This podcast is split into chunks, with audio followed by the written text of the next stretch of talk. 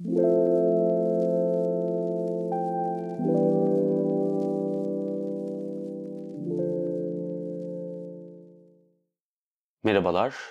Psikanaliz Sohbetleri podcast serisinin 66. bölümüne hoş geldiniz.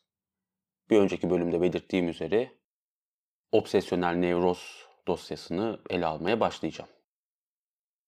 Tabii obsesyonel nevrozu, daha genel ifadesiyle nevroz teorisini ele almanın birçok yolu var.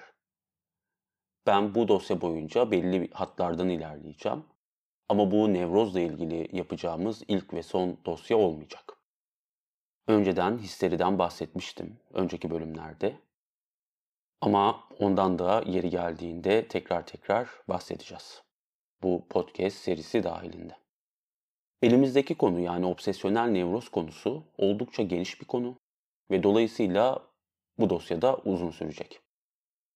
Obsesyonel nevrozun detaylarına girmeden önce size bir teorik arka plan sunmam gerekiyor. Yaşam ve ölüm dürtüleri, beden, özne, büyük öteki gibi kavramları belirli bir bağlamda sizlere anlatacağım ki obsesyonel nevrozun ne olduğunu sizlere aktarabileyim. Ve bu dosyada iki tane temel referans metnim olacak. Bir tanesi Paul Verhagen'in Obsessional Neurosis metni. Bir diğeri ise Michel Silvestre'nin The Lacanian Structure of Obsessional Neurosis metni. Her iki metinde müthiş ama bir o kadar da yoğun metinler. Anlamak için önemli bir miktarda çaba gerektiriyor. Fakat ben mümkün olduğunca anlaşılır bir hale getirmeye çalışacağım bu metinleri sizler için. Sadece metinleri de özetlemeyeceğim. Tabii ki birçok şey ekleyeceğim. Bunların ardından da size Freud'un meşhur obsesyonel nevroz vakası olan fare adam vakasını anlatacağım. Ve bunu tabii tahmin edebileceğiniz üzere Lacancı bir perspektifle yapacağım. Ve bu yolla teorik olarak ilerlettiğimiz hattın pratikte ne gibi karşılıkları olduğunu göstermeye çalışacağım sizlere.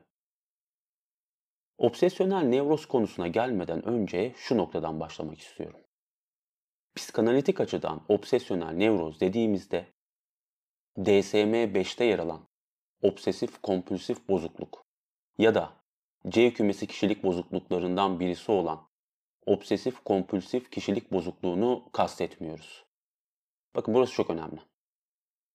Hem Freud hem de Lacan için tanı çeşitli semptomların bir araya gelerek oluşturduğu bir kategori değil.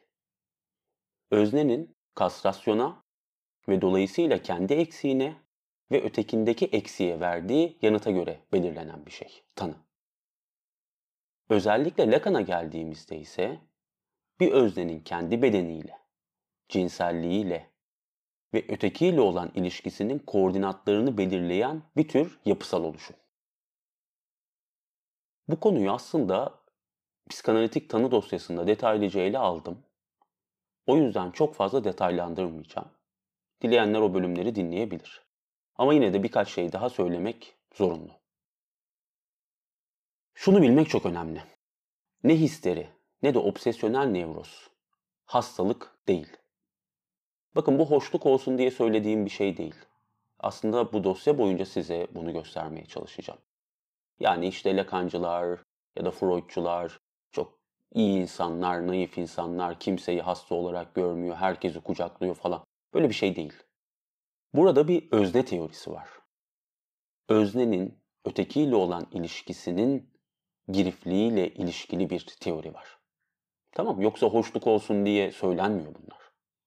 Histeri ve obsesyonel nevroz daha ziyade öznenin dünya ile nasıl ilişkilendiğine dair yapısal koordinatları sunan öznel konumlar. Ve Lacan'a göre temelde üç ayrı öznel yapıdan bahsetmek mümkün. Nevroz, psikoz ve sapkınlık. İşte histeri ve obsesyonel nevroz adından da anlayabileceğiniz üzere nevrozun iki alt türü. Ve işte Lacan'a göre dünyada yer alan her bir özne semptomlarından bağımsız bir şekilde bu üç klinik kategoriden birisine ait. Yani nevroz, psikoz ve sapkınlık. Tabi bunların da alt dalları var. İşte nevrozu söyledim. Histeri ve obsesyonel nevroz. Psikoza geldiğimizde şizofreni, paranoya, melankoli. sapkınlığa geldiğimizde fetişizm, sadizm, mazoşizm vesaire. Bu tabii şu soruyu getiriyor beraberinde. Herkes bu üç klinik kategoriden birisine aitse normallik diye bir şey yok mu? Bu işte önemli bir tartışma. Normal diye bir şey var mı? Freud'a dönersek bu konuda. Freud her ne kadar yer yer normal bir zihinsel durumun, zihinsel işleyişin varlığından söz etse de normallikle nevrotiklik arasında bir ayrım yapmış olsa da öğretisinde normalliği nevrotik olmakla eşdeğer gördüğünü söylediği yerlerde mevcut. Örneğin 1901'de kaleme aldığı Gündelik Hayatın Psikopatolojisi metnini okursanız oralarda bir yerde normal olanla patolojik olanın bir devamlılık içinde olduğunu söylediğini görürsünüz. Ve patolojiyi anlama çabasının normalliği de anlamaya olanak sağlayacağını söylediğini görürsünüz. Daha ileriki zamanlara gidip 1915-1917 yılları arasında verdiği psikanalize giriş derslerine giderseniz bu derslerin 23.sünde çok önemli bir şey söylüyor. Direkt olarak alıntılıyorum. Ama konuyu teorik bir bakış açısından ele alır ve bu nicelik sorununu bir yana bırakırsanız hepimizin hasta, yani nevrotik olduğunu pekala söyleyebiliriz. Çünkü semptomların oluşum ön koşulları normal insanlarda da gözlenebilir. Dolayısıyla Freud söz konusu olduğunda normal diye bir varsayım var. Ama farkındaysanız bu normal nevrozla çok yakın bağlantıda olan bir kavram. Ve Freud'un son dönem eserlerine doğru giderseniz, An Outline of Psychoanalysis ya da Terminable and Interminable Analysis metnine giderseniz, bu metinlerde de normalliği ideal bir durum, ulaşılması mümkün olmayan bir durum olarak betimlediğini görebilirsiniz. Freud'un en son kaleme aldığı metinlerden bir tanesi olan bu sonlanabilir ve sonlanamaz analiz metninde Freud doğrudan şöyle diyor. Normal bir ego aynen normalliğin kendisi gibi ideal bir kurgudur. Dolayısıyla aslında bu normalliğin olmadığı fikri Freud'da mevcut. Ve Freud normal diye tabir edilen insanları incelediğinde hep onların nevrozla yakından bağlantılı ya da nevroza yakından benzeyen insanlar, kişiler olduğunu gözlemlemişti.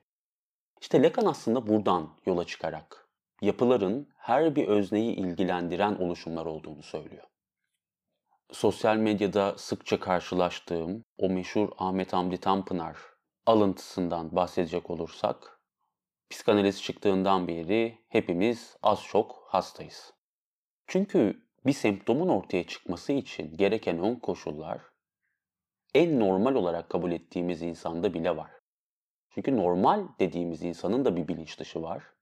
Normal dediğimiz insan da kastrasyondan muaf değil.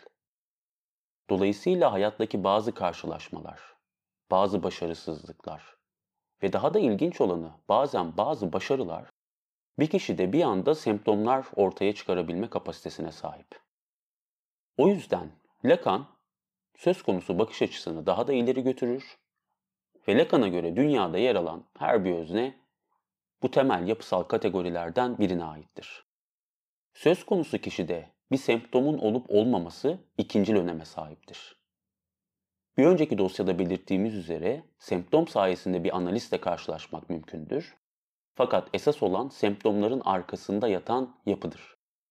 O yüzden bir kişinin ellerini defalarca yıkaması, kendisini böyle bir zorunluluk içerisinde hissetmesi o kişiyi doğrudan obsesyonel yapmaz. Evet, bu bir obsesif kompulsif semptomdur. Ama esas mesele bu semptomun o kişinin öznelliğinde nereye denk düştüğünü anlamaktır. Bu tarz kompulsif bir semptom bir obsesyonelde de ortaya çıkabilir, bir histerikte de, bir psikotikte de. Dolayısıyla esas mesele bu semptomun hangi yapıyla ilişkili olduğunu ve söz konusu kişinin öznelliğinde nereye denk düştüğünü ele almaktır.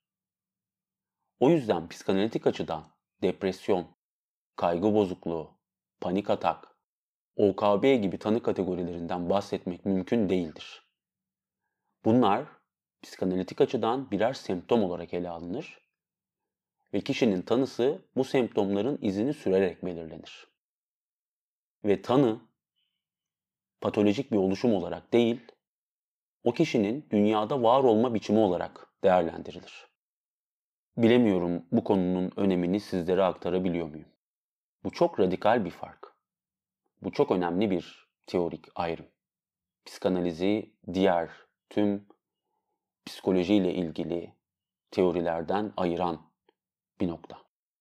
Evet, semptom çok önemli. Bir önceki dosyada da konuştuğumuz gibi. Semptom sizi bir analistin karşısına götüren şey ya da bir terapistseniz danışanı sizin karşınıza getiren şey.